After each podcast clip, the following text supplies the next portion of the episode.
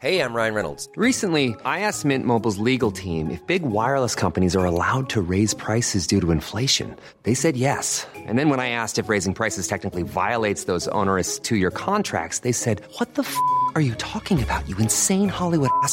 So to recap, we're cutting the price of Mint Unlimited from $30 a month to just $15 a month. Give it a try at mintmobile.com slash switch. $45 upfront for three months plus taxes and fees. Promo rate for new customers for limited time. Unlimited more than 40 gigabytes per month. Slows. Full terms at mintmobile.com. Ryan Reynolds here from Mint Mobile. With the price of just about everything going up during inflation, we thought we'd bring our prices down. So to help us, we brought in a reverse auctioneer, which is apparently a thing. Mint Mobile unlimited premium wireless. Ready to get 30, 30, bit to get 30, bit to get 20, 20, 20, bit to get 20, 20, bit to get 15, 15, 15, 15 just 15 bucks a month. So, Give it a try at mintmobile.com slash switch. $45 upfront for three months plus taxes and fees. Promo rate for new customers for limited time. Unlimited more than 40 gigabytes per month. Slows. Full terms at mintmobile.com.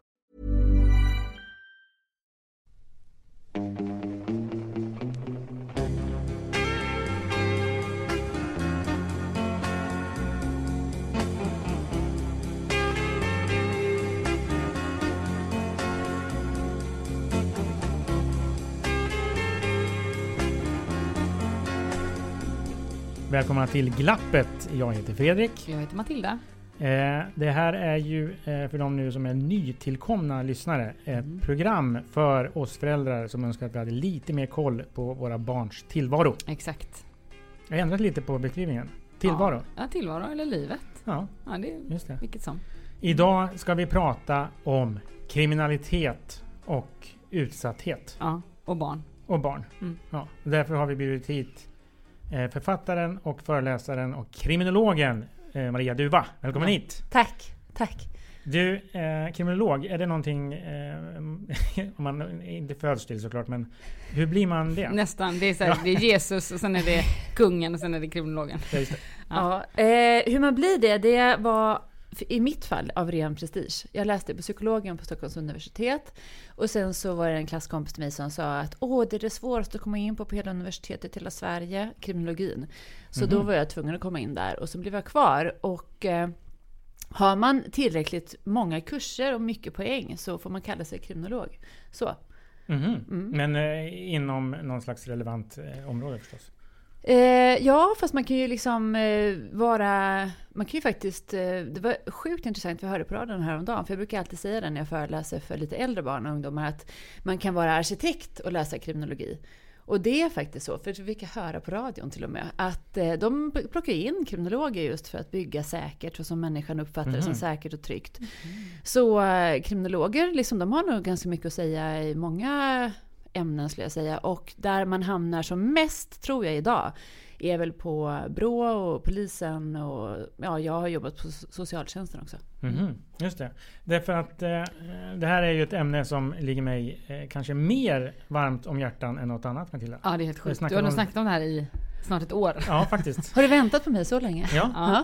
jag har gjort det. Vi måste Nu göra är det här. När ska vi göra kriminologpodden? Nu är det, den här Fredrik. This is Jo. the day. Jo men det är så. Jag, eh, jag har ju varit rektor. Ja. Och ända sedan dess har jag funderat över eh, eh, någonting som jag har iakttagit. Och det är att vi pratar väldigt sällan faktiskt på riktigt om barn och kriminalitet. Det är någon sån här no-no grej. Utan oftast Mm. när man pratar om det så är det i ett retroperspektiv. Alltså Mm. när någonting har hänt eller när, när man pratar om någon kriminell individ så brukar alla säga Ja, fast det där såg vi redan tidigt i Mm. förskolan. Mm. Och då undrar jag så här, när jag hör det tänker jag, ja fast varför gjorde inte samhället någonting då? När vi ser det och förrän det är för sent. Mm. Ja, men, Det är en stor fråga, jag ja. förstår det. Men Alltså, kan vi börja någonstans ja. och hjälpa mig förstå? Ja. Eh, jag eh, svarar på två sätt. Då, då. Jag tror Mm. att strukturellt sett så är det så att om man pluggar kriminologi så får man läsa olika teorier. Och då finns det en som heter stämplingsteori.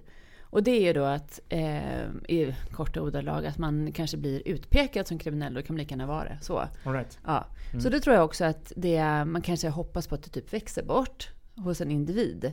Men så tror jag också att det har att göra med ehm, alltså mindre och större städer. För att det är rätt lätt att vara eh, rektor på en skola som kanske ligger i en storstad och där man inte behöver umgås med föräldrarna eller hälsa på dem på ICA och sådana saker. Ehm, um, med, medan om man då växer upp i en liten by som jag kommer ifrån så, eh, så finns det andra mekanismer som träder in som social informell kontroll och sådana här saker. Eller andra faktorer som kan påverka en unge. Medan det kanske är lite obekvämt att vara den som säger till. Fast det är alltid lätt att säga, säga i efterhand att ja men det har jag sett sedan länge. Det, det blir lite att man visste, man var lite facit, jag såg det lite tidigare. Så. Medans å andra sidan då, så kan det också vara så ibland när man läser intervjuer att nej men gud, det trodde jag aldrig. Just. Aldrig. Så att jag vet inte om det är så lätt att säga att det verkligen är så att man alltid säger i efterhand.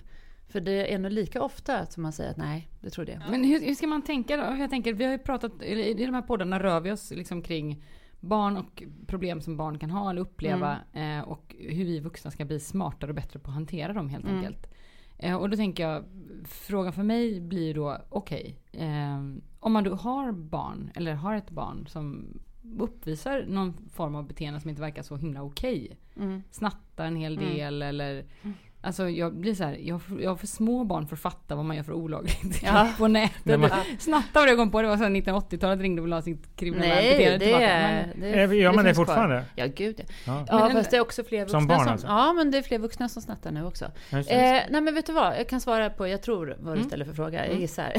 Kör. så tänker jag så här att eh, vissa av de här faktorerna som du pratar om, som man skulle kunna se, Eh, tänker jag är sånt som är vanligt tonårsbeteende som växer bort också med tiden. Eh, medans eh, andra kanske man ska lägga märke till och som man sen i efterhand istället säger att vi borde ha sett, jag borde ha reagerat, jag hade det på känn och sådana saker. För det är ju en hårfin balans mellan stökig tonårstid eh, och eh, att det går åt helvete eller att det faktiskt går bra. Jag menar, det finns ju jättemånga superframgångsrika människor som har stökat hjärnet. Och som kanske är den framgångsrika personen just på grund av att de har stökat. Så. Men vad jag har jobbat med under åren är också att då tittar man på gärningspersonen. Så. Eh, jag, tittar ju, eller jag har jobbat mest egentligen senaste åren med de som är utsatta för det här. För de kan ju... De har ju med sig några då under resans gång för att nå kanske dit de är idag. Eh, om det nu har gått jättebra eller jättedåligt. För att eh, de utsätter ju ändå folk, och, eller individer eller företag eller vad de nu gör. Så att det, det, det, det kan ju bli en kostsam resa för rätt många fast det kanske går bra för individen. Just det. Mm. Eh, eh, det vet väl eh, alla som lyssnar på det här att man kan ju ha gjort fel, eller har gjort fel när man eh, var liten, men det gick ändå bra. Mm. vad, har- exakt. vad har du eh, gjort för eh, uppenbara idag preskriberade brott? Ja, ska jag prata om de något? som eh, liksom ligger kvar i belastningsregistret? Nej, vad. Nej, men jag har ju då... Ja. jag har ju då varit... Eh, haft en väldigt tung högerfot väldigt många gånger. Så jag åkte fast i fortkörning första gången jag haft körkort i fem dagar. Fem dagar? Ja. Det var ju ganska skickligt. Ja, ändå. faktiskt. Och då frågade polisen mig ifall jag hade körkort. Så jag nej, det har jag inte. Så jag, jag har däremot en liten lapp. ja, och sen så har jag också... Då, då blev det bara böter. Andra gången blev det bara böter. Tredje gången blev jag av med körkortet i tre månader. Mhm. Mm. Och sen har, har det gått bra? Ja, haft tur kan man säga. Jag Klarat mig. alla, alla brottslingar Ja, Det behöver är, inte viss all, tur för att det är inte alla brott som anmäls. Absolut Har jag läst någonstans du sa något 30 procent eller Ja, någonting. mm. Ja. ja. Och sen så är det så att upptäcktsrisken är alltid det som en förövare estimerar med. Mm. Jag estimerar ju rätt hårt med upptäcktsrisken, för jag har alltid bott på landsbygden. Och då tänker man så här, åh här finns det ingenting. Men sen har det där kommit på statliga vägar, har det kommit de där fartkamerorna. Mhm. Mm. Just det. På statliga vägar får man tänka, åker jag på kommunal väg nu eller åker jag på statlig väg? Aha. Ja, det kan man ju tänka. Ja, faktiskt. För på kommunal väg dyker de inte Bra upp. de inte. Fast de håller ju på att titta över det nu för de inte ska få sätta upp kameror utanför skolor på kommunala vägar. Mhm. Just det. Mm. Eh, eh, jag tänkte också på, liksom om man ska ge eh, lyssnarna lite så fakta kring eh, unga och eh, brott. Ja, vad kan man kasta in för siffror så man får en förståelse av vad det handlar om? Ja, till att börja med så är det så att man kan, det finns ju ingen undre åldersgräns för när man kan bli polisanmäld. Så är det ju. Den yngsta jag har jobbat med som var polisanmäld var 10 år. Eh, men sen är det så att man blir straffmyndig i Sverige när man fyller 15. Innan dess så kan du dock få påföljd, alltså i form av Eh, konsekvenser inom eh, ramen för socialtjänstens vård helt enkelt. Du kanske får en föräldrastöd eller en familjebehandlare in i familjen för att man försöker med olika program. Det kan finnas MST, det kan finnas allt möjligt som försöker komma till rätta med den här unge avvikarens beteende, kriminella beteende helt enkelt. Ehm, vad jag kan säga idag, som jag ändå jobbat hos polisen då, det var 13 år sedan jag klev in på Bergsgatan första gången och började jobba. Jag tycker mig se att eh, det finns ett grövre kriminellt beteende tidigare i åldrarna. Det som förr var, eh, vad ska man säga, som kanske började hända när man var 15, det gör man när man är 13 idag. Mm -hmm. Vad beror det här på? Ja, alltså rent generellt så tror jag väl att, nu kommer så här forskaren i allt fram. Jag som ska få Nobelpriset i alla ämnen. Nej då. Men alltså så här, rent generellt så sägs väl... Eh, vi, jag jobbade på Värmdö de senaste åren och då eh, löste vi ju situationen med kriminalitet på Värmdö så att vi tog bort polisstationen från Värmdö. Mm. Så hade inte jag någon arbetsplats kvar. Så därför fick jag sätta mig hos ungdomsmottagningen. Och det var rätt bra, för då fick jag faktiskt två värdar. Eh, och då säger vi ju de som jobbar där att eh, barn och ungdomar idag utvecklas fysiskt tidigare. Alltså, vi svälter inte och vi fryser inte och då mognar kroppen tidigare. Så tjejer får mens tidigare. Och äh, det gäller såklart inte alla men... Det vill säga att till exempel tonårsperioden börjar tidigare? Ja, i eh, de det, hormonell, det hormonella. Den ja. hormonella tonårstiden börjar tidigare. Men okay. inte den alltså, kognitiva förmågan. Nej. Den är fortfarande på liksom, vad den var för 200 år sedan ungefär. Och eh, rättsväsendet. Det, här, det, det går ju liksom låter som att det blir lite problematiskt. Ja, precis. För ungdomar skrapar på sig rätt mycket bus innan de blir straffmyndiga. Så därför döms de för grövre brott när de väl döms sen. Det som förr var som du sa ett snatteri, mm. det kanske idag är en eh, misshandel eller olaga hot. Olaga hot är ju sjukt vanligt skulle jag säga. Mm. Men våldsbrotten generellt i samhället går ju ner. Mm. mm. Det är ju... Alltså antalet? Ja. Både eh, anmälda och oanmälda? Ja, för det kan man mäta då med sjukhusdata och sådana här saker också. Eh, och alltså de som fortfarande begår brott och håller fanan högt, det är ju män 50 plus i princip, mm. våldsbrott. Dessa mm. medelålders... Ja. Fredrik. Ja, jag segertecknet. Exakt. Vita medelålders jävla heteromännen. Som inte svingar sina nävar, exakt, nävar på älgarna. Patriarkatet håller fanan högt. Ja. ja. Så. Ja. Mm. Men uh, ungdomarna begår ju eh, mindre alltså i statistiskt sett brott. Eh, och jag tror inte att anmälningsbenägenheten har ändrats särskilt mycket. Gäller Men betyder där. det att vi eh, har blivit ett bättre folk? Det vet jag inte. Utan jag tror att vi har eh, börjat göra andra grejer också. Ungdomarna dricker ju mindre alkohol idag. Det är det som är... Alltså det finns ungdomar som håller sig nyktra ganska långt in i... Pratar, du, pratar vi alkohol då eller pratar vi också narkotika? Nej men det är det som många säger då. Många säger så här, ja, de dricker mindre men då röker de på istället. Och det finns liksom inte riktigt belägg för det ännu. Det kanske är så, jag vet inte. Men alkohol har ju alltid haft en sån koppling till våldsbrottslighet. Så är det ju faktiskt. Så att, um, om De nu... flesta våldsbrott som sker, sker under alkoholrus. Mm. Är det det du säger? Yes, mm. så är det. Jag tänker att detta också är, apropå att patriarkatet ändå lever och frodas på något sätt hela tiden. Um, så är ju det här liksom, kan jag uppleva ett killproblem. Alltså om man nu får generalisera liksom ja, i, fast det, i så här kill och tjej-grejer. Oftast, eh, alltså så det, det, det hålls ju inte... Ja, men det är ju inte nu. bara så att de misshandlar eh, killar och män. Nej, men jag tänker att det är ofta killar som misshandlar. Ja, alltså mm, tjejer är ja, i högre grad offer liksom, för våldsbrott. Mm, mm, så. Mm. Eh, den här liksom, taskiga kulturen kring fotbollen eller... Ja, ja, alltså det mm. finns liksom, det finns arenor på ett annat sätt. Där män går ibland bara för att slåss. Mm. Vilket ju också supporterklubbarna själva jobbar med och sådär. Eh, skulle du säga att liksom, det är så generellt att det är killar liksom, på alla arenor även jag vet att du, du nu har du skrivit en bok om liksom, nätet och sådär. Är det fortfarande liksom, killar som är problemet inom situationstecken. Alltså det är ju alltid killar ja. som är problemet. Men försök, alltså, ja. försök nu uttrycka dig utan att liksom få någon emot ja, dig. Ja, det kommer jag inte lyckas Nej, med. Du har inte lyckats med på de här 11 Nej. avsnitten vi har spelat in hittills. Så det är inte så mycket. Nej men alltså så här. Alltså rent eh, killar utsätter andra killar och andra tjejer. Så är det liksom. Och, mm. Eller om man nu måste liksom ha en könsidentitet så är det så att Eh, killar utsätter ju alla i princip. Så Mm. är det ju. Och män. Eh, de står ju för majoriteten av eh, dödligt våld också. Så att det, det är ju så det ser ut. Men eh, eh, jag tycker mig se en ökad medvetenhet. Så är det. Mm. Jag tycker det. Jag, tycker, jag möter på... Eh, jag träffar inte alla unga i hela Sverige liksom. Det gör ju inte jag. Men jag tycker jag möter på schysstare attityder och som inte är så förlegade som kanske de inte ärvt från sina föräldrar heller. Utan som de kanske skapar själva. För idag är det mycket lättare att hitta sin sin, sin idol. Förstår ni vad jag menar nu? Jag tänkte på när jag var liten så var det liksom man blev presenterad för någon som man skulle gilla. För det fanns inte så många kanaler. Idag kan man själv bestämma sig för vad man gillar. Man kan själv skapa sig och omskapa sin identitet. Och kanske hitta sin själsfrände i Indien på ett annat sätt. Här är min förebild eh, som håller på med det här, där.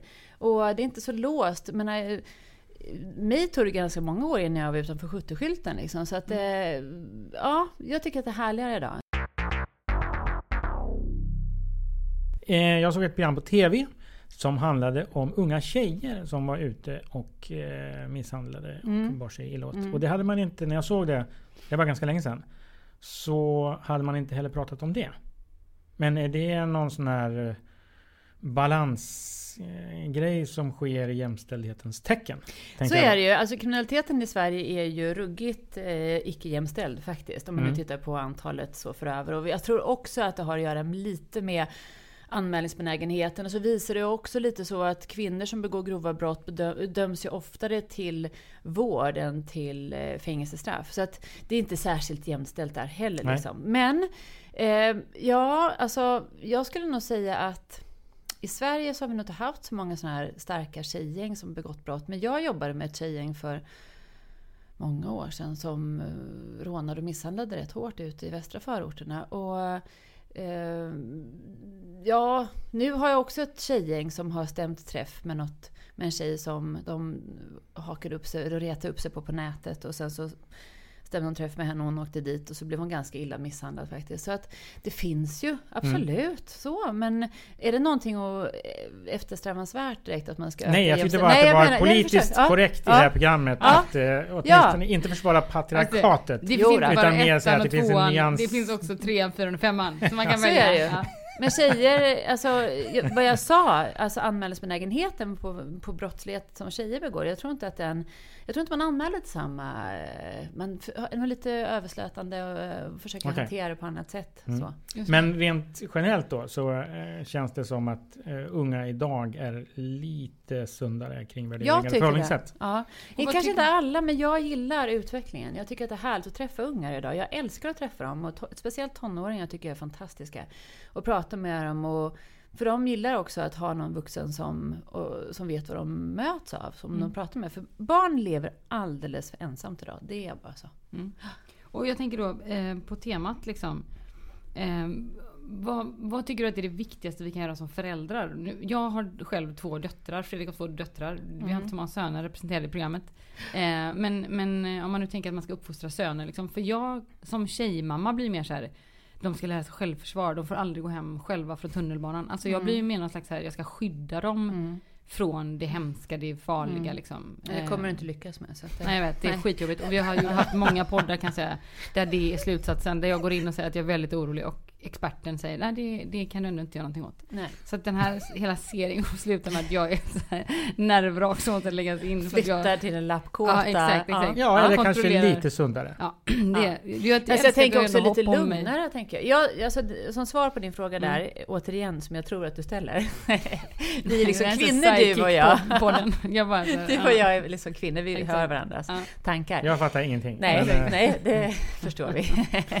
nej då. Men alltså som... Eh, jag tänker så här att vad man, vad, som förälders uppgift tror jag är att finnas med hela tiden, problematisera. Men det är ju så himla lätt att säga när man utgår från att de här föräldrarna funkar som en själv och har de värderingar som man själv tycker är sunda. För det finns ju de som har raka motsatsen mot mig såklart, som tycker att kvinnor ska vara hemma, som tycker feminism är liksom det värsta som har ordet, det liksom ser rött skynke när man hör det ordet. Och, Eh, så det, det är ju lätt att tro och hoppas på att alla ska bli som jag. Så, För det vore så mycket enklare om alla funkar som en själv, eller hur? Mm. Det, jag har två grejer som står på min lista av grejer jag önskar att jag inte visste. Ja. Det ena är att man bara kan förändra sig själv. Mm. Hatar att jag vet det.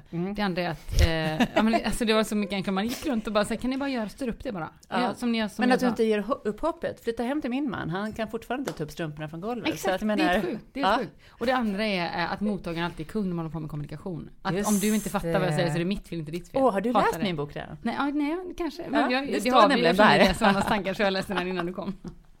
Ja, jag hör det. Ja. Ja. Förlåt, jag avbröt. Vad ska man tänka på som Nej, förälder? men jag tror så här att man måste börja prata sjukt tidigt med barnen. Man underskattar deras förmåga. När jag tittar på min son, han fyller åtta här alldeles strax.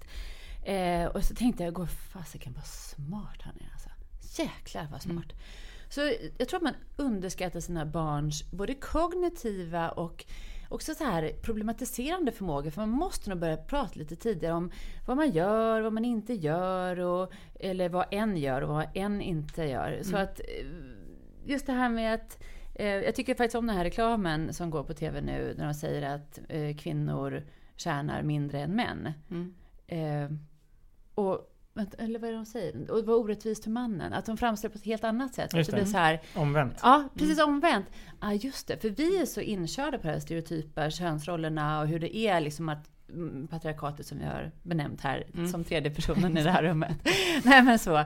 Så att jag tänker att ehm, problematisera mycket tidigare och säga vad som... För min son sa det till mig häromdagen. Han bara, för då sa jag, oj vad många olika nagellack du har nu. Ja, får inte killar ha det eller? Jag bara, det är klart. Så. Såklart du får. Det är klart du får nagel. Men jag säger bara att det är olika lager av alla möjliga färger. Liksom så. Men det... Man får tänka till. Annars är det nog lätt att man bara traskar på i samma strukturella fotspår som man har gått i alla år. Och det gör ju inte alla. Alla är ju inte där idag. Idag får man vara mer individuell tycker jag. Om man nu har ett barn som liksom trillar dit på någon form av kriminalitet ganska Mm. tidigt. Eh, vad, vad, hur ska man tänka då? För jag tänker att gå in och så bli arg och så, tänka kanske leda till mer skam och skuld och elände. Eller är det, liksom, är det, är det hårda gränser som gäller? Det beror väl på vad som har hänt, tänker jag. Liksom så. Alltså, jag har jobbat med all typ av anmäld eh, brottslighet bland ungdomar. Allt från snatteri, skadegörelse, klotter, sälja skolans dator, blablabla, allt det här liksom. Till eh, riktigt grov misshandel, mordbränder, alltså sådana saker. Så att jag tror att det beror på vad som har hänt och sen så känner man nog sitt eget barn rätt bra och ser hur det landar i ungen. Eh, för det är klart man måste visa att det är fel. Det, Annars så gör man ju barnet en björntjänst. Men sen så tror jag också att det är rätt bra om man tidigt vågar ta hjälp tror jag. Att man inte känner att man eh, står ensam i det här. Men många vuxna idag är så otroligt osäkra på sin egen kompetens. Så att jag tror att de bara vill vända sig till experter hela tiden. Alltså, direkt, man måste typ vara psykolog för att kunna prata med ett barn. Och så behöver det inte vara. Alltså, en vuxen är ju oftast good enough. Men har relationen barn och föräldrar emellan skitit sig av någon anledning så måste det finnas någon annan vuxen i deras liv. Och det är superviktigt. Och barn är assensitiva för vem den här vuxna är. Och den här vuxne behöver ju inte vara just en psykolog eller kriminolog utan det kan ju vara en vuxen som har... Inte kriminolog just. Nej. Nej okej. Och en vuxen som har tid. Mm. Jag jobbar med min nästa bok nu och då håller jag på med en liten referensgrupp bland lite stökungar. Eh, och de vill att den vuxne ska lukta gott. Mm. Eh, inte ha massa ljud för sig. Mm. Mhm. Och ha tid. Och inte komma med massa tips och råd och stöd så här snabbt utan liksom ha tid. Inte känna... Intressant. Ja, Jag är ställde, det? jag ställde också eh, frågor till eh, ungarna på min skola. Mm. Om vad de eh, såg hos en bra, inom citationstecken, lärare. Ja, Då sa spännande. de någon som ser mig, Mm. som lyssnar på mig och är stilla. Vad bra. Ja. Det är ganska bra. Ja, det är ungefär- nästan går i samma samma sak. Ja. Spår på något sätt. För när jag, i min bok här så listar jag ju vem en vuxen, eller vem ett barn väljer ut att prata med. Vem som är deras då mottagare av det här tunga budskapet. Då är det ju så att ända upp gymnasiet, på den här listan, vi skriver alltid på en sån whiteboard tillsammans. Det är väldigt sällan föräldrar kommer först. Det gör föräldrar oftast. Föräldrar toppar i årskurs 3 och 4. Från femman så ligger föräldrar på typ tredje plats ungefär. Då kommer andra viktiga vuxna först. Och i vissa skolor så kommer viktiga vuxna långt ner också. Då toppar typ BRIS. Alltid. Men på den här listan, som då kan vara olika lång såklart, men på den listan, ända upp i gymnasiet, så finns alltid husdjur och gosedjur med. Alltid. Ja. Och vet ni varför? För de lyssnar klart. Ja, det är sant. Visst är det Ja, hemskt? det är sant. alltså jag får sån ågren. Alltså, Jag fick lära mig, jag satt i BRIS klart. förbundsstyrelse i sex år. Och då fick vi också lära oss på samma tema liksom, att många barn ringer in och frågar Hej har du tid? Ja. Och andra frågan är Hur mycket tid har du? ja, jag vet. Att det liksom är... Ja. Ja. Men det och eh, det, det jag läste eh, precis vad en ungdom hade skrivit till mig om att ett är det väldigt svårt att känna att föräldrarna har tid. Två vet man aldrig riktigt hur lång tid de har. Det känns som att de lyssnar i 30 sekunder sen vill de göra någonting. Men vad, vad ska vi liksom göra åt det här? Nu blir det ju en helt annan filosofering. Ja, Ja, Men, fast, men vi just den här, passus här. Ja, men Ja. just den här liksom uppkopplade. För jag tänker att det ofta är ju det, det som är grejen. Att man är, eller man, vi, jag är så van nu för tiden. Att det liksom, det plingar och det händer Mm. och det är liksom hela tiden. Och så börjar någon grej ja, och så den grejen där. Att hur, så här, vi måste ju på något sätt hitta ett sätt att stilla oss. Jag liksom. vet. Och jag är ju, alltså jag, emellanåt i samhället idag, när jag tittar på mitt flöde på typ Instagram, sociala medier, kan jag känna mig rätt ensam. När jag sticker ut hakan och säger det, att det här med digitaliseringen av både folkhem och skola och liv i övrigt, är inte bara positiv. Vi måste på riktigt lära oss att hantera vårt uppkopplade liv. Så är det bara. För det, jag, jag tänker på en tjej som jag träffade. eh, hon, hon eh, vad var hon, lite så här typ 18. Hon sov med sin telefon på sig hela tiden. Och den var påslagen. Och eh, alltså hennes notiser plingade hela tiden. Och hon sa, men jag vaknar inte längre av det. Nej men du måste ändå väckas ur din djupsömn, det vet ju inte du. Liksom, hade man lagt henne i så här sömnforskningslaboratorium så kanske hon hade varit vaken Alltså bara legat och lättsovit så här hela natten.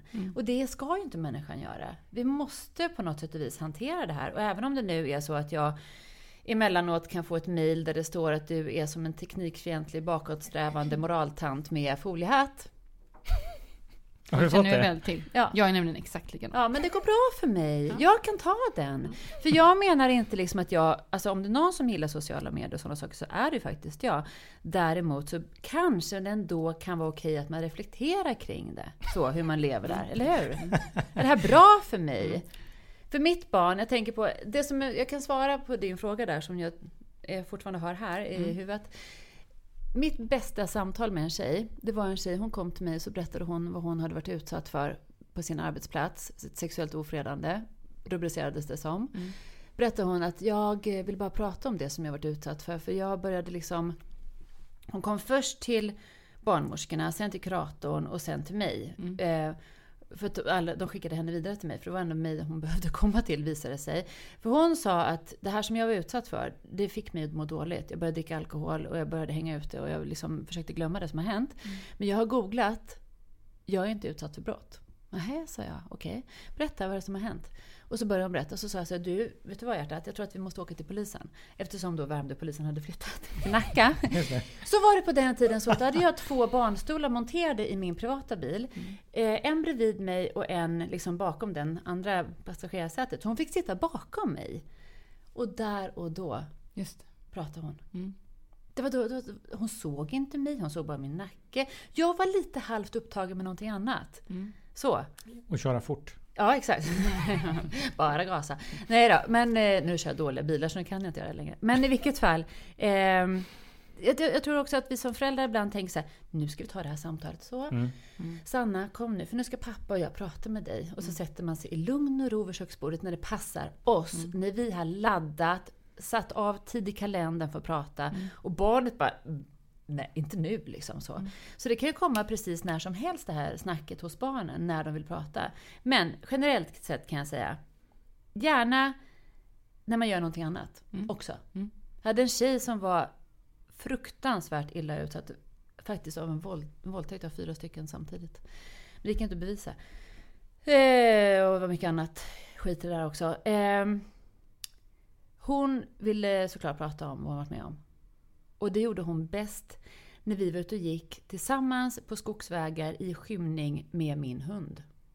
Hon behövde andra distraktioner helt Lite mörker så inte jag såg ifall hon grät. eh, min hund och gärna också lite skymning i skogen. För jag liksom blev lite rädd för så här rådjur och paddor och grejer och så här, som hoppar upp på vägen. Och hon var liksom så här trygg, då kunde hon rädda mig lite. Nej, det är ingen fara så. Så, det, var, så här, det, det var jättebra. Jag hade faktiskt ett sånt samtal med min äldsta dotter nu. Vi var på Liseberg i helgen. Ja. Eh, och då passade jag på, det var i och för sig alltså att jag Men ni åkte upp så- för backen. Nej, men i kön till. Helix. Ja. När man Ja. så här ändå står och inte liksom gör någonting. Och jag var gett mig fan på att jag inte skulle ta fram telefonen eftersom hon inte hade sin telefon med sig. Mm. Bra Liksom, där. ja, eller hur? Ja. High five. Ja, det är verkligen faktiskt. inte alla dagar jag lyckas med det. Nej. Så jag var extra nöjd med mig själv. Eh, och då tog jag upp ehm, eh, för då, då tänkte jag så här, nu inför hösten ska vi reflektera lite kring hur, hur har vi det och hur det är. Mm. Ty, hon tycker att jag är som förälder och så. Och då frågade jag henne det. Hur tycker du att jag är som morsa? Vad är jag bra? Vad är jag mindre bra? Och hon var så jävla ärlig. Mm. Vad skönt! Det var svin, och, hon var, och så var hon lite så här rädd. Så här, Ja. Förlåt mamma att jag säger det här, det är inte så snällt. Jag bara, det, jag frågade det liksom. Du får säga Ja. vad du vill, det är lugnt. Men att det också blev lite så här avdramatiskt för att vi gick i den jävla kön och Ja. så, ja, nu ska man gå ner här och så var det lite knasig musik som man Mm. är när man står i den här kön och sen skulle vi göra något kul för då skulle vi åka berg och och så Mm. gjorde vi det. Mm. Så Men det- och jag, jag tänkte inte på, alltså det var, det var inte medvetet så att jag bara, nu ska vi gå till Helix, då ska jag, alltså det var inte så.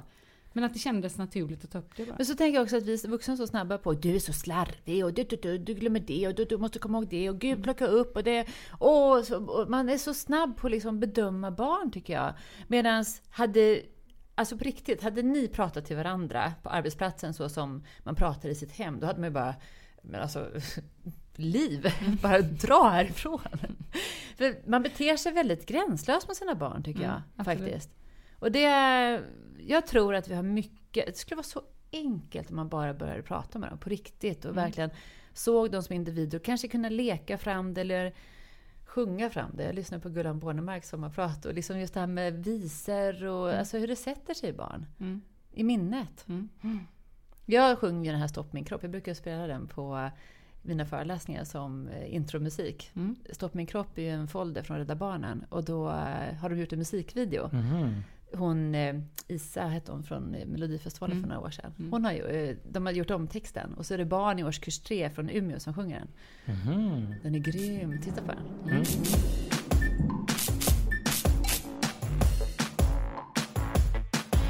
Du kallar mig lilla vän Någon jag ej känner igen Kramar när jag inte vill Vill faktiskt inte vara still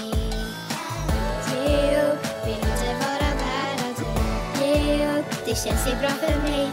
Det är en sak du ska förstå.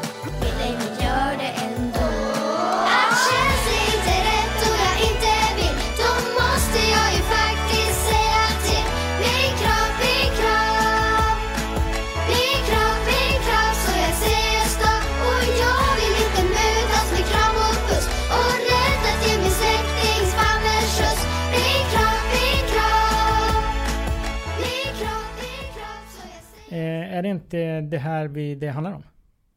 När vi Samtalet. pratar om samtalet och Ja. eh, förhållningssätt till barn. Ja. Och att de gärna vill ha förebilder. Och när vi inte är där som förebilder Mm. så är det lätt att halka iväg i Ja. någon, någon annan riktning.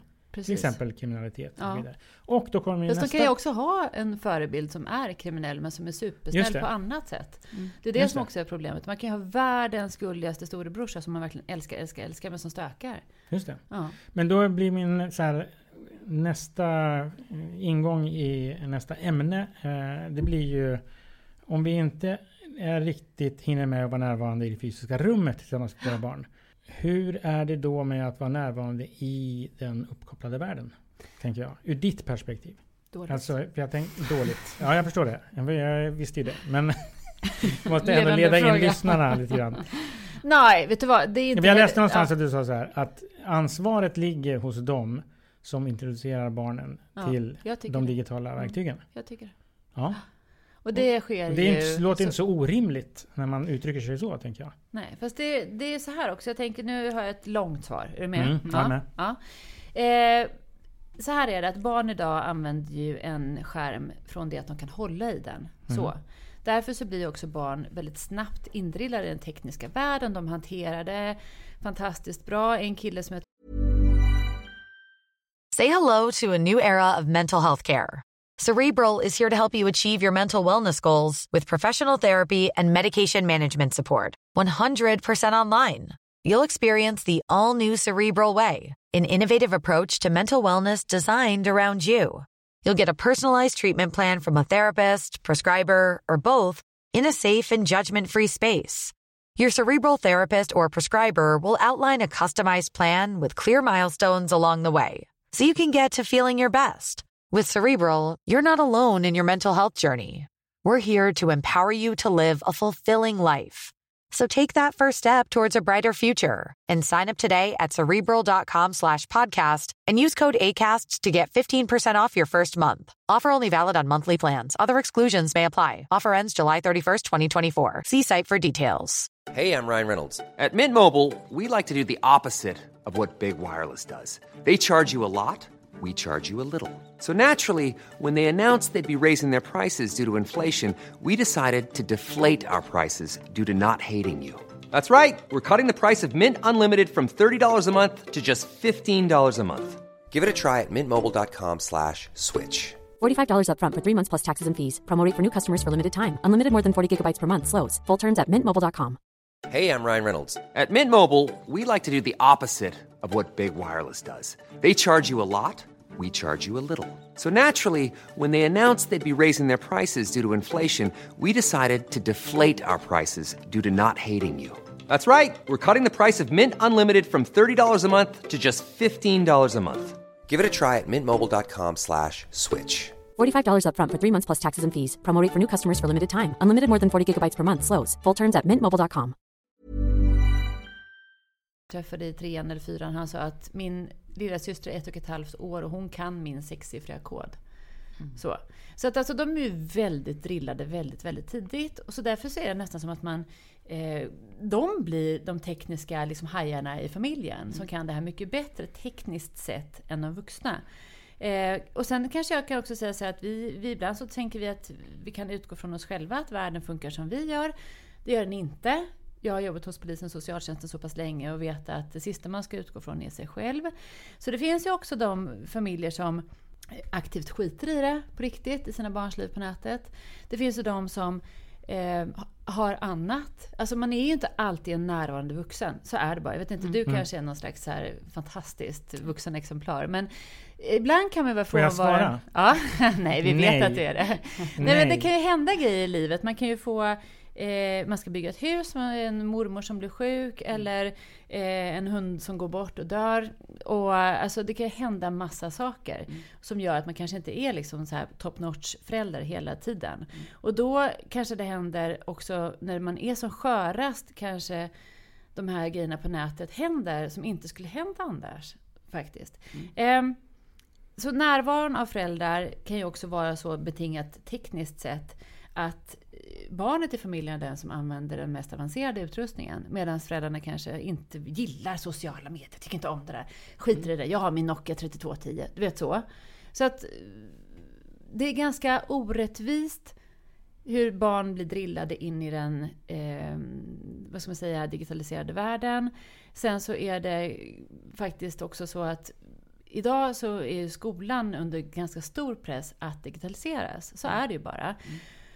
Och då tänker jag att de, vem ska ta ansvaret för att det här också måste pratas om vad som sker där? Det mellanmänskliga. För det tekniska, gud vad bra. Alltså jag, igår stod jag och höll i så här VR-glasögon och jag bara, jag måste ha såna här, måste ha i julklapp liksom så. Men det mellanmänskliga finns ju kvar och det kan ju inte vi styra och reglera på samma sätt. Eller hur? Mm. Ehm, så närvaron av föräldrar, närvaron av viktiga vuxna, närvaron av de som faktiskt barn vill ha med sig, den måste öka. Så Just är det det. bara. Det är bara så. Just det, därför att det finns inga eh, eh, av eller på. Nej. Utan vi lever i en värld som ser ut så här. Och det, man ska vara i den där, och man måste kanske vara i den där också. Men vi får inte blunda för eh, risker. Vad finns det då för varningssignaler om man som förälder börjar fundera på det här nu då? Jag kanske inte är så närvarande i mina barns eh, Nej. Digitala det är värld. jättelätt. Alltså, vet du, jag har haft två föreläsningar där jag har fått ett mejl sen efter av föräldrarna direkt typ efteråt. För jag sa så här, men alltså era barn vill prata om det här. De vill ha med sig. Er i sina liv. Jag tänker på min eget barn. När han gör någonting som jag tycker är superhäftigt, typ dyker eller hjular i studsmattan, jag gör en volt och jag bara står och hejar bara joho, yes, yes, yes. Men när han lyckas med sin kula på spelet, på sin skärm, då gör jag inte riktigt med och hejar lika hårt. Fast han tycker att det är minst lika viktigt. Så. Mm. Alltså det blir lite av en kränkning att inte jag uppmärksammar hans framgång där. Så, så dels det kan jag känna är så att vi vi väljer ju fortfarande det som vi tycker är viktigt. Så är det ju. Och Mm, vi mm. håsar ju det som i vår värld känns viktigt. Och sen det andra får vara där. För vi lever ju fortfarande i den verkliga världen och så det där på nätet. Så. Mm. Fast barn har ju inte så. Barn lever ju liksom... Det I en verklig värld, ja, alltihop. Ja, det, alltså IRL är väl ett alldeles förlegat uttryck nu tror jag. Jag tror att det är AFK man ska säga. Away from keyboard. Mhm. För annars är det liksom... Alltså allting är bara så här på riktigt. Men... ehm, det som är med de här föräldrarna då när jag har sagt att gå hem och börja prata med era barn nu. Alltså bara sätt er ner och bara Oh my god, jag har missat det här, jag fattar det nu. Så kan vi inte bara umgås överallt nu? Jag ska visa mig så. Och då är det så här, de här mejlen som jag har fått, då är det så här och de, barnen tyckte att jag var jättekonstig. De sa också, varför bryr de om det här nu? Ja, men jag, då får man bara sänka axlarna. Jag har varit på en föreläsning. Nu, nu fattar jag att det är viktigt. Och sen har de bara enat sig. Visat, hängt. Hur gör du då? Blockar du den personen? Eller hur vet du att den personen inte är den? Och vad är det där? Hur, hur har du lärt dig det här? Vilka strategier? Berömmer dem, vad smart du är. Hjälp, det hade inte jag fattat hur man blockar telefonnummer. Gud vad du är duktig. Alltså så, Alltså, för jag kan aldrig, jag har aldrig sett två världar enats så fint som när min dotter introducerade Snapchat till mina föräldrar. Hur de fullständigt bröt ihop av garv och bara Wow, vad härligt! För det är ju förenande. Mhm. Man måste ju mötas där. Och jag tänker just att barnen i familjerna är ju oftast experterna. Det. Men jag tänker också, att vi, vi är ju från samma region. Vi kan avslöja det. Är vi där då? Nej, vad är det någonstans då? Ja, eh, ja, är det Linköping? Men, men eh, när du då växte upp, Mm. eh, hur hade du det då, utan att gå in på detaljer, hur ni hade det i familj och sådär. Men om du tänker dig dina kamrater, Ja. dina kompisar. Mm. Eh, var det någonting ni pratade om så här? Om jag skulle önska att mina föräldrar var lite mer involverade i vad vi gör. Och, nej, nej, nej, nej. Eller är det också eh, så inbyggt i vår revolt och frigörelse? Att man kanske inte vill att föräldrarna ska vara involverade i allt jag gör. Jag Eller finns det en här, ja. komplikation där Mm. menar jag? Det där är, jag, jag kan svara på två sätt. För när, vi, när jag jobbade med polisen och Polarna som de hette, vår fritids, eller fältverksamhet på Värmdö och Nacka.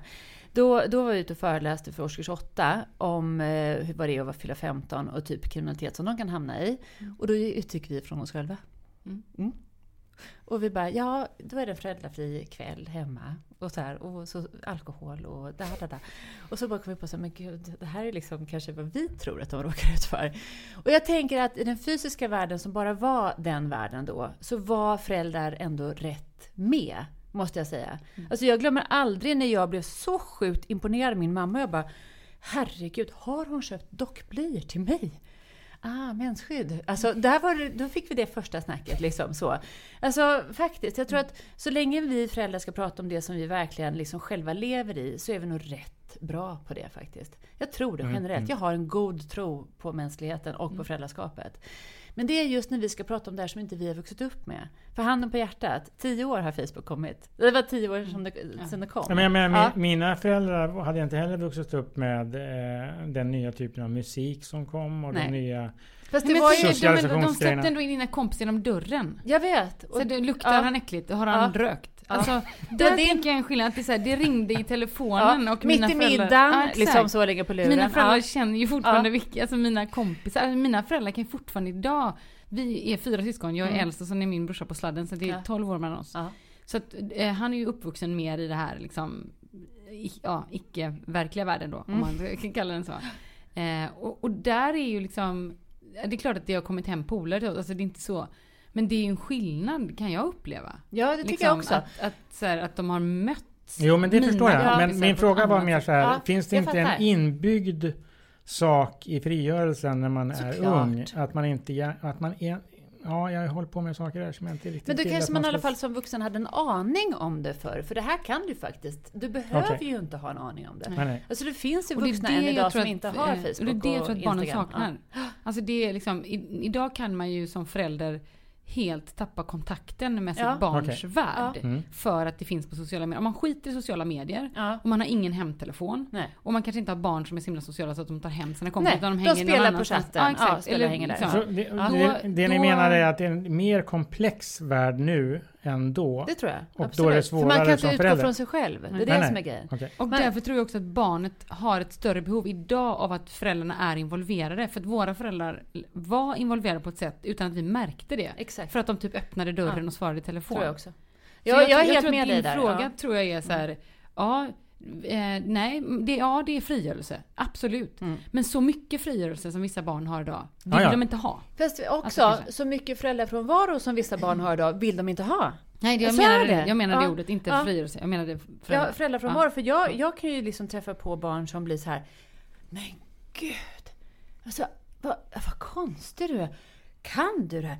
Är du intresserad av det här? Kan man jobba med det här när man är vuxen? Jag trodde bara det var barn som hände på Musical.ly. Och så gör jag liksom vissa moves och de bara Åh! Dör liksom. Hon kan verkligen. Vad är det här för person? Alltså, så Ja, det undrar jag också Vad är det här för vuxen som, alltså hur kan du, använder du Snapchat? Så liksom. Det, det är jättemånga vuxna som använder Snapchat, men jag tror att väldigt många barn har inte föräldrar som har det. Så. Mm. Och det, jag, jag är med dig. Barn har frigörelseprocesser väldigt tidigt. Och det är också väldigt individuellt. Så är det ju. Mm, mm. Men de har inte valt bort föräldrarna. För föräldrarna Nej. har aktivt valt bort, jag gillar inte sociala medier. Pang, jag är inte där. Ja, just det. Mm. Mm. Om man Och också så- går in på det som är liksom också som ehm, jag tänker på det, boken och eh, titeln som du har då kriminolog. Mm. Alltså det här också att om man inte är med sina barn i alla fall i utkanten av nätet Mm. så kan man heller inte snappa upp till exempel om det begås brott. Nej, jag För vet. det tänker jag, jag barn är Ja. sämre på, eller kanske det är omöjligt för barn att säga Oj, det där var ett hot. Eller det där Men, var ett ja, brott. exakt. Och det, är också, liksom- det där är ju också rätt märkligt. För jag menar, jag träffar på så sjukt... Jag, jag, jag brukar ställa den frågan till barnen Mm. från årskurs 3 uppåt. Så säger jag så här, ehm, är det lika olagligt att begå, begå brott på nätet som det är på riktigt? Och de bara ja, säger de då. Och sen säger jag samma fråga till vuxna. Då sitter de i, i aulan eller i matsalen eller någonting. Och de bara ja, jag vet ju inte riktigt. Så. Och jag tänker också att det som är i min bok här, det är en, eh, en jättegod vän till mig som är advokat. Han säger så här att vuxna tenderar att inte ta det på allvar. Mm. Faktiskt. Mm. Ja, men det där, han menar väl inte det där. Oh, där, det där. Bara ta bort det där. Men använd inte Instagram då. Så Mm. Kan det ju bli istället att ungen får som stöd. Absolut. Ja. Eh, och hur eh, väl anpassad är då det rättsliga systemet för det här intåget i det digitala? Jag tänker på polisen, ja, den juridiska sidan och så vidare. Hur lång tid har vi nu, tänker Mm. jag, kvar? Jo, där, därför att det, det som det här då eventuellt riskerar att hamna i är Mm. ju att ansvaret Ingenstans. ligger bara hos föräldrarna. Mm. Om inte vi har ett system som eh, är anpassat för att Fast ta emot den här säga, kriminella verksamheten som det ändå är. Det, det, det där är rätt intressant, för jag tror att många, eftersom vi pratar lite om skolan också, så digitaliseringen av skolan och skolan ska tillhandahålla verktyg och få komma ut och datorer, du, du, du, allt det här. Då är det också så att jag tror många föräldrar förväntar sig ett väldigt mycket större ansvar av skolan. Faktiskt Mm. så. För många av de här brotten som jag har jobbat med som riktiga case har ju hänt under skoltid, ett, eller på skolans utrustning. Mm. Så, som de också har satt i händerna på barnen. Så. Så att det, det, jag tänker just att verkligen de största casen som jag har haft har hänt på skolan i omklädningsrum. Fotat, spridits, eh, sådana saker, filmat. Så att många, och det är ju rätt tufft att bli polisanmäld tidigt i livet liksom, för någonting som man inte själv ens visste var ett brott eller föräldrarna ens kände till att det kunde ske. Nej men det är väl ingen som filmar någon i duschen och lägger ut på Instagram? Eh, eh, så. Nu händer inte det varje dag, men det är för att inte vi vet om allting. Men det finns en anledning till att ungarna duschar i bikini eller inte duschar alls. Så är det ju. Men... Eh, eh, en gång till. Jo. Eh, hur hur eh, välorienterad Ja. är polismakten och det juridiska systemet i Ja. att bemöta den här, om vi kallar det kriminaliteten Ja. på nätet, Mm. Som ingen verkar ta i vuxenvärlden i övrigt på allvar. Nej. Jag, har, väl- ett, ja. jag ska ta ett konkret exempel. Mm.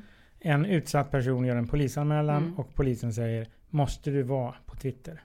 Ja, jag vet. Frågetecken. Ja, jag vet. Är inte det problemet Ja. att du är på Twitter? Ja, Nej, Jag, vet. Nej. det är inte jag håller det. helt med. Jag träffade en fantastisk polis som jag gillar väldigt mycket i övrigt, som är ung och supertrevlig. Jag gick dit med en tjej som var utsatt för ofredanden på eh, Kik. Alltså hon sa nej, kicka inte till mig, bytte konton, blocka bara fortsätter, fortsätter, helt gränslöst i ett ofredande när man säger nej, stopp så. Eh, och då så säger den här polisen efter att vi börjat prata om det så tittar hon upp och säger så här, du det där kick, vad är det för någonting du pratar om hela tiden? Jag förstår inte det ordet riktigt. Den här tjejen hon bara reste sig upp och gick och sa Hade jag blivit våldtagen hade det varit så mycket enklare för dig att fatta. Du har ingen aning om det här.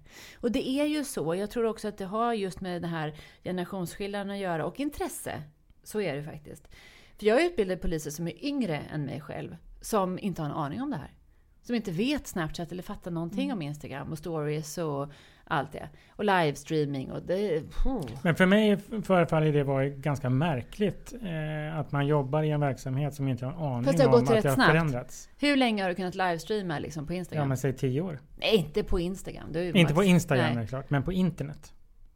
Ja. Det är ju Hur lång tid behöver nu. man? Nej, det är också jag. det som är problemet nu, tänker jag. Det var- dök väl upp för en vecka sedan att de har kunnat hacka sådana här eh, övervakningskameror i hemmet som är kopplade till en app i telefonen. Så de har liksom livesänt från folks hem. Så någon tant som satt och åt yoghurt till frukost. liksom. Det vill man ju inte att det ska ske. Liksom. Nej. Det vill man inte se. Nej, jag vill inte att någon annan ska se det heller. Nej, men faktiskt, jag håller med dig. Det är bedrövligt såklart. Men lagstiftningen också. Hur... Eh, vissa brott måste begås innan de kan lagstiftas bort. Så är det ju. Just det. Nätbedrägerier gick ju inte att lagstifta om nätbedrägerier på 70-talet, för vi hade inget nät. Så. Eller hur? Kontokort, sådana. Alltså någonting måste ju hända först, anmälas. Och så Jag tänker jag att anmälningsbenägenheten påverkar ju också insatsen. Anmäler folk inte alla ofredanden eller alla hot de får på nätet så tror man, nej men det är ingenting. Okej, så. den ledtiden innan man kan göra någonting åt det är ganska lång. Det är där men, vi lever i nu. men hur stor är den här frågan inom ditt eh, område? Hos mig är den väl rätt stor. Jag menar nu är Jag, jag, tänker ju... hela eh, jag tänker rättsväsendet. Eh, ja, de får tampas med rätt mycket annat. Men nu är det så att det här är ett förenande oavsett geografi och ålder och kön. Man blir ju utsatt på nätet. Så är Mm, det ju jo, bara. visst. Så att det är inte bara barn och ungdomar i Säffle som blir utsatta. Utan det är liksom över hela världen. Både män och kvinnor. Men jag tror kvinnor och män blir utsatta på olika sätt förvisso. Det är ju forskat på också. Eh, men eh, ja, lite, jag tror att man står och stampar lite fortfarande. Och jag tror också att man ropar lite efter tekniska lösningar. Mm. Tror jag man gärna skulle se. Och det skulle jag också gärna se. Att, mm, jag, det som jag skulle verkligen vilja eftersträva och verkligen nå att det skulle vara en tjänst för alla människor är att man skulle få hjälp med att ta bort oönskade bilder på en på nätet och filmer. Just det. Mm. Det tror jag skulle verkligen lätta för väldigt många som lever i ständig oro över vart deras bilder är någonstans. Just det. Och, det, och då gränsar ju frågan in kring mer filosofiska frågor kring internet och informationen är fri och ni- ni- ni- sådär. Men, men om man ändå så här när Och att det var mycket bättre förr. är, ja precis, mycket enklare. Ja, Just det, nere i parken när Ja, det hände. verkligen. Men eh, nu är vi inte där. Men jag tänker ändå att när brott ändå är begånget, som Mm. vi kan liksom lägga angränsande till tydligt brott, Mm. ofredande till exempel, Mm. Så är ett ofredande i verkliga livet mer värt än ett ofredande på nätet. Varför är det så? hur menar du nu? men jag Mer tänker värt- att- Straffvärde? Nej, tas mer på ja, allvar. jag tas mer på allvar. Nah. Alltså av, av rättsvårdande instanser? Ja. ja, Jag tänker på. Kick-tjejen igen. ja, Alltså, ja, så är det ju. Men däremot så för individen så tror jag att det är rätt vidrigt att vara utsatt på nätet. För att Absolut. om du ofredar mig och kallar mig och säger någonting och gör någonting som jag liksom tycker att det här, nej, nu räcker det så, jag anmäler dig. Så är det ändå så att det kan ju upphöra där och då. En misshandel i tunnelbanan kanske är mellan, om vi säger att det är mellan två personer som inte känner varandra, så kanske det liksom varenda gången de ses och sen ses de i rättssalen igen så och aldrig mer. Mm. Medan på nätet så är det så att det kan ju liksom eh, stå i ett kommentarsfält, det kan likas, skärmdumpas, delas, kommenteras av hur många som helst. Har den här kommentaren skärmdumpats av någon så är det den personens innehav helt plötsligt av den bilden. Då har du ju ingen kontroll. Nej. Alltså på nätet har du ju ingen kontroll över någonting. Så fort du har skickat en bild eller någon har skrivit någonting då är det ju bortom kontroll. Och det är det tror jag som väldigt många vuxna missar. att tänka till på själva och lära sina barn att en bild är för evigt. Men när du och jag är ihop, superhärligt. Det är alltså verkligen lovely kärlekshistoria. Vi har det hur bra som helst. Sen blir vi osams och vi gör slut. Och då, idag har vi ju med teknikens hjälp massa bilder på varandra. Du kanske har liksom flört skickat Mm. sms till mig och jag har gjort detsamma. Vad gör jag sen med de här bilderna då? Då kan jag använda dem emot dig. Och du vet ju om det också. Shit, hon har massa nakenbilder på mig. Och så. så. Ja men du vet, alltså, och, det, och leva med det när man är Eh, från ja. 14 år, det är inget ovanligt idag. Det är nej. jättevanligt. Jag fattar det. Ja.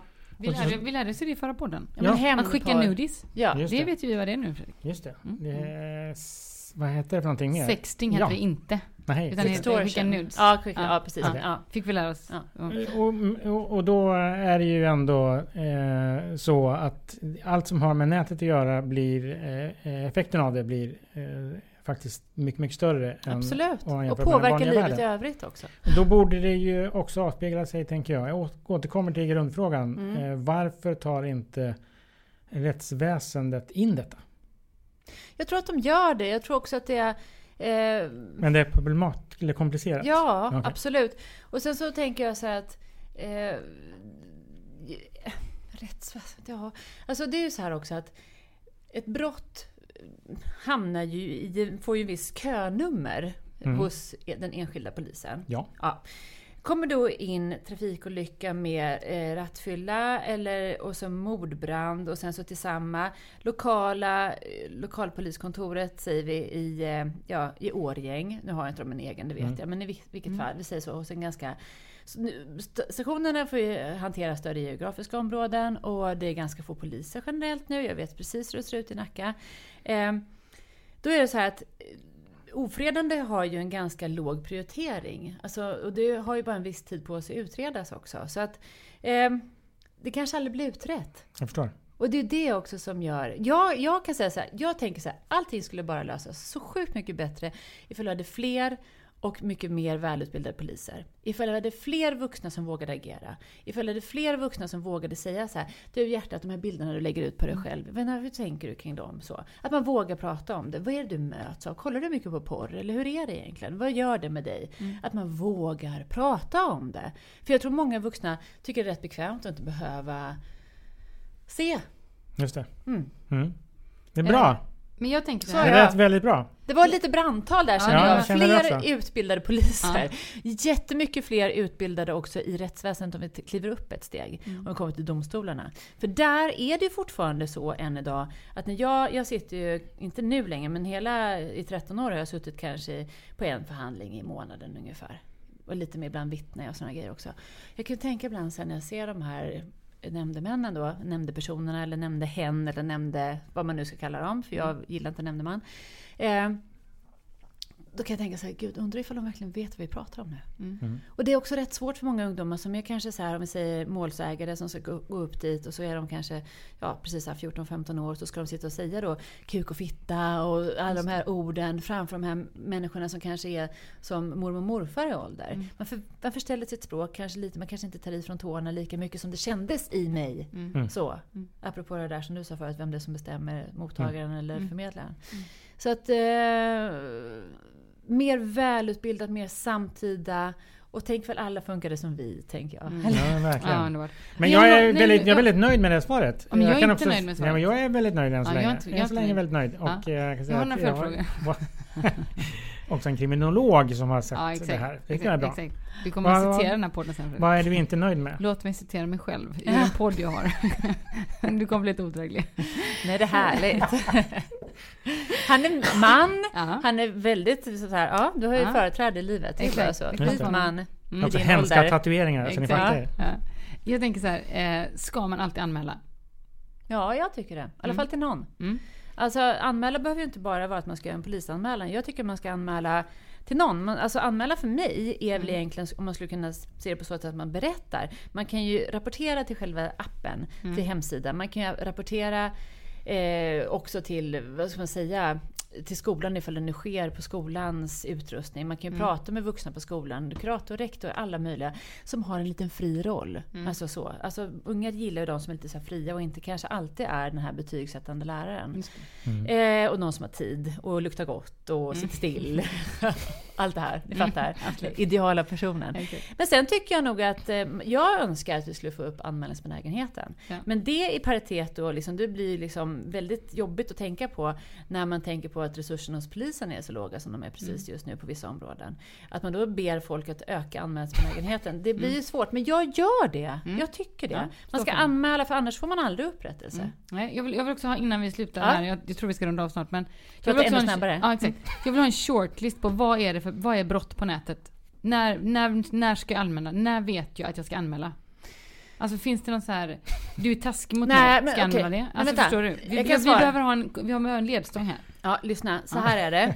Att det är inte upp till dig att avgöra brottsrubriceringen. Nej. Du anmäler ju en händelse som Ja. du tycker är fel. Så är det ju. Ja. Ja, och sen så kan du få tillbaka en anmälan där det står ej brott. Ja. Så är det. Alltså det är ju trots allt så att eh, alla brott går inte att utredas för att det kanske inte Eh, nu ska vi inte ta ett aktuellt ärende, men det är ingen målsägare som vill träda fram kanske? Nej, Nej, ja, ni fattar. Ja. Det ringer någon Så, klocka. ja. Ja, kanske gör det. Ja. Nej men så. Eh, alltså, och sen så måste det finnas ett uppsåt. Ja. Ja. Ja. Alltså, det måste vara gjort med avsikt. Det kan ju inte vara så...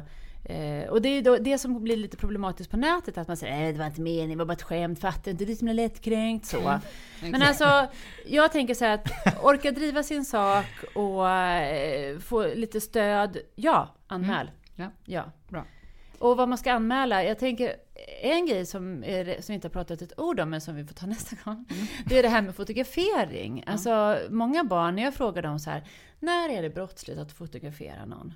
När man inte bett om lov, säger de då. Mm. precis. Och tänker så här, alla era föräldrar har alltid bett om lov innan de lägger ut det på Instagram. Alltså, Precis. så.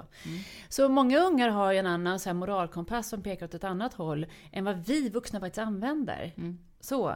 Eh, att, att ta kort på någon i vissa områden, alltså typ så privata områden, provhytt, omklädningsrum, sådana saker. Om, det, om det sker med det här ordet som jag älskar, som jag ska tatuera mig nu, då ska det stå samtycke här. För att har vi samtycke du och jag så får vi gå in på en toalett och ta kort på varandra. Det går ju bra. Men jag får inte göra det i smyg på en toalett, omklädningsrum, duschrum. Alltså att vi går in i ett omklädningsrum och du gör det i smyg. Ja, då får Eller inte- ett nej. eh, får jag- provrum. Nej, absolut inte. Det kränker en fotografering. Du och jag får jättegärna stå och skryta om våra tatueringar och bara vara så här superhärliga och nöjda med våra kroppar. Men så har vi inte frågat dig som står i bakgrunden och liksom smörjer in benen och böjer framåt. Och så lägger vi ut det på nätet och då har inte vi frågat dig. Du kanske inte ville. Men man måste prata om de här. Hur ska man se med kort? Hur ska man ta med fotografering? För det är det som jag tror ställer till mest problem för barn. Utslagna tonåringar, dyngraka, hela Snapchat är Och det fullt med viktiga bilder på tycker dem. jag också med samtycke, som jag fick lära mig under sommaren, det är att samtycke är inte att säga nej. Samtycke är att säga ja.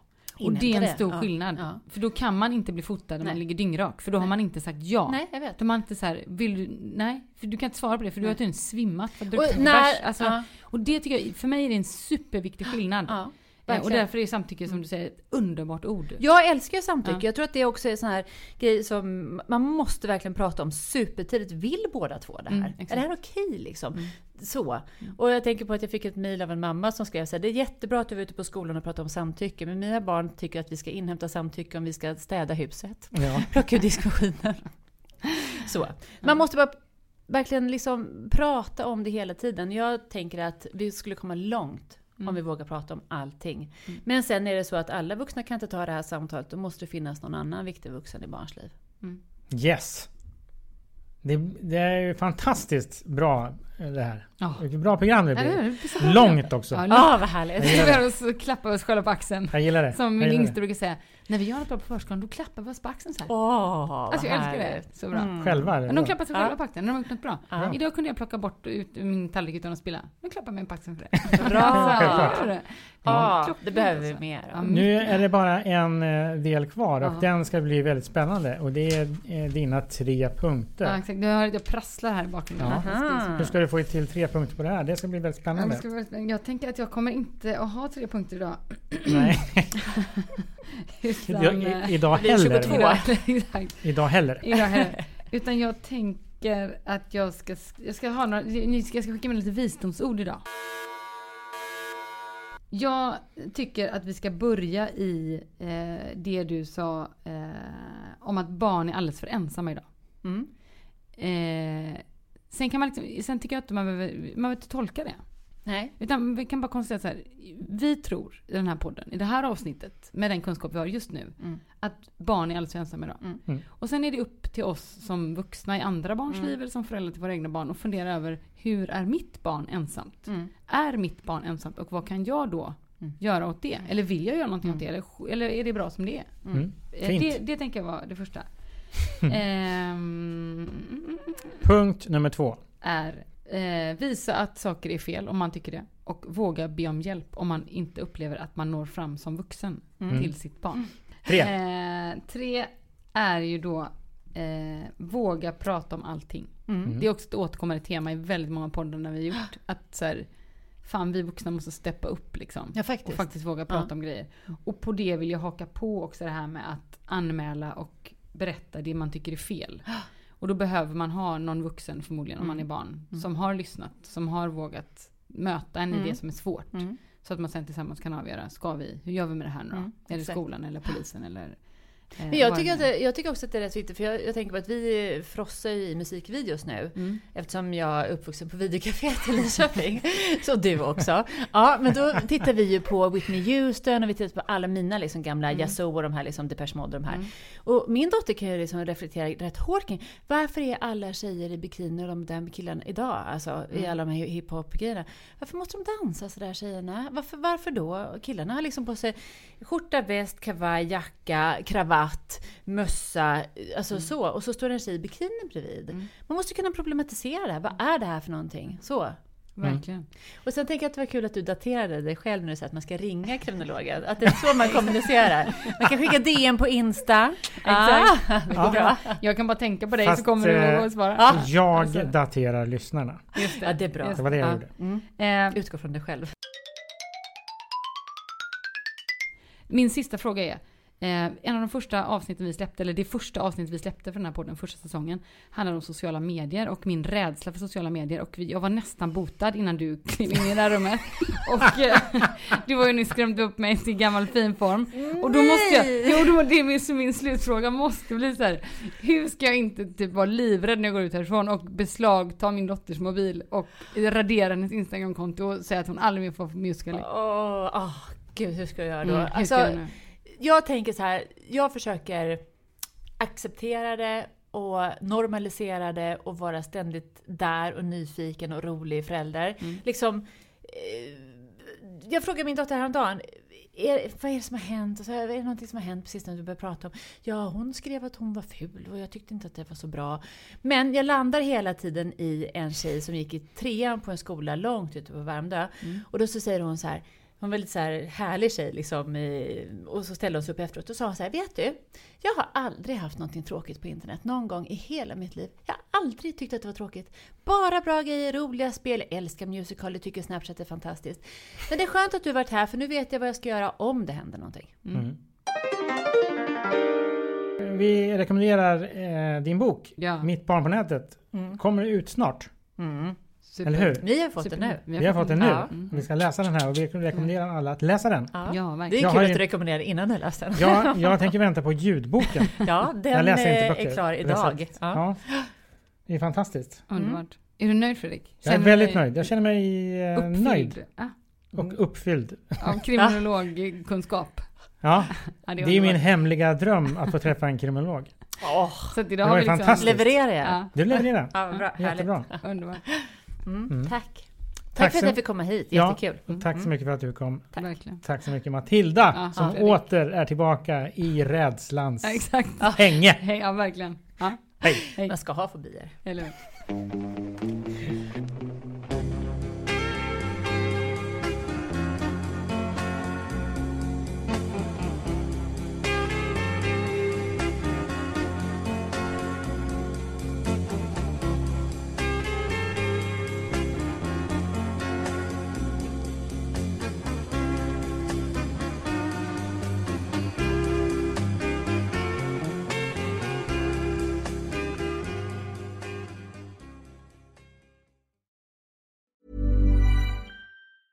Before Shopify, were you wondering where my sales at?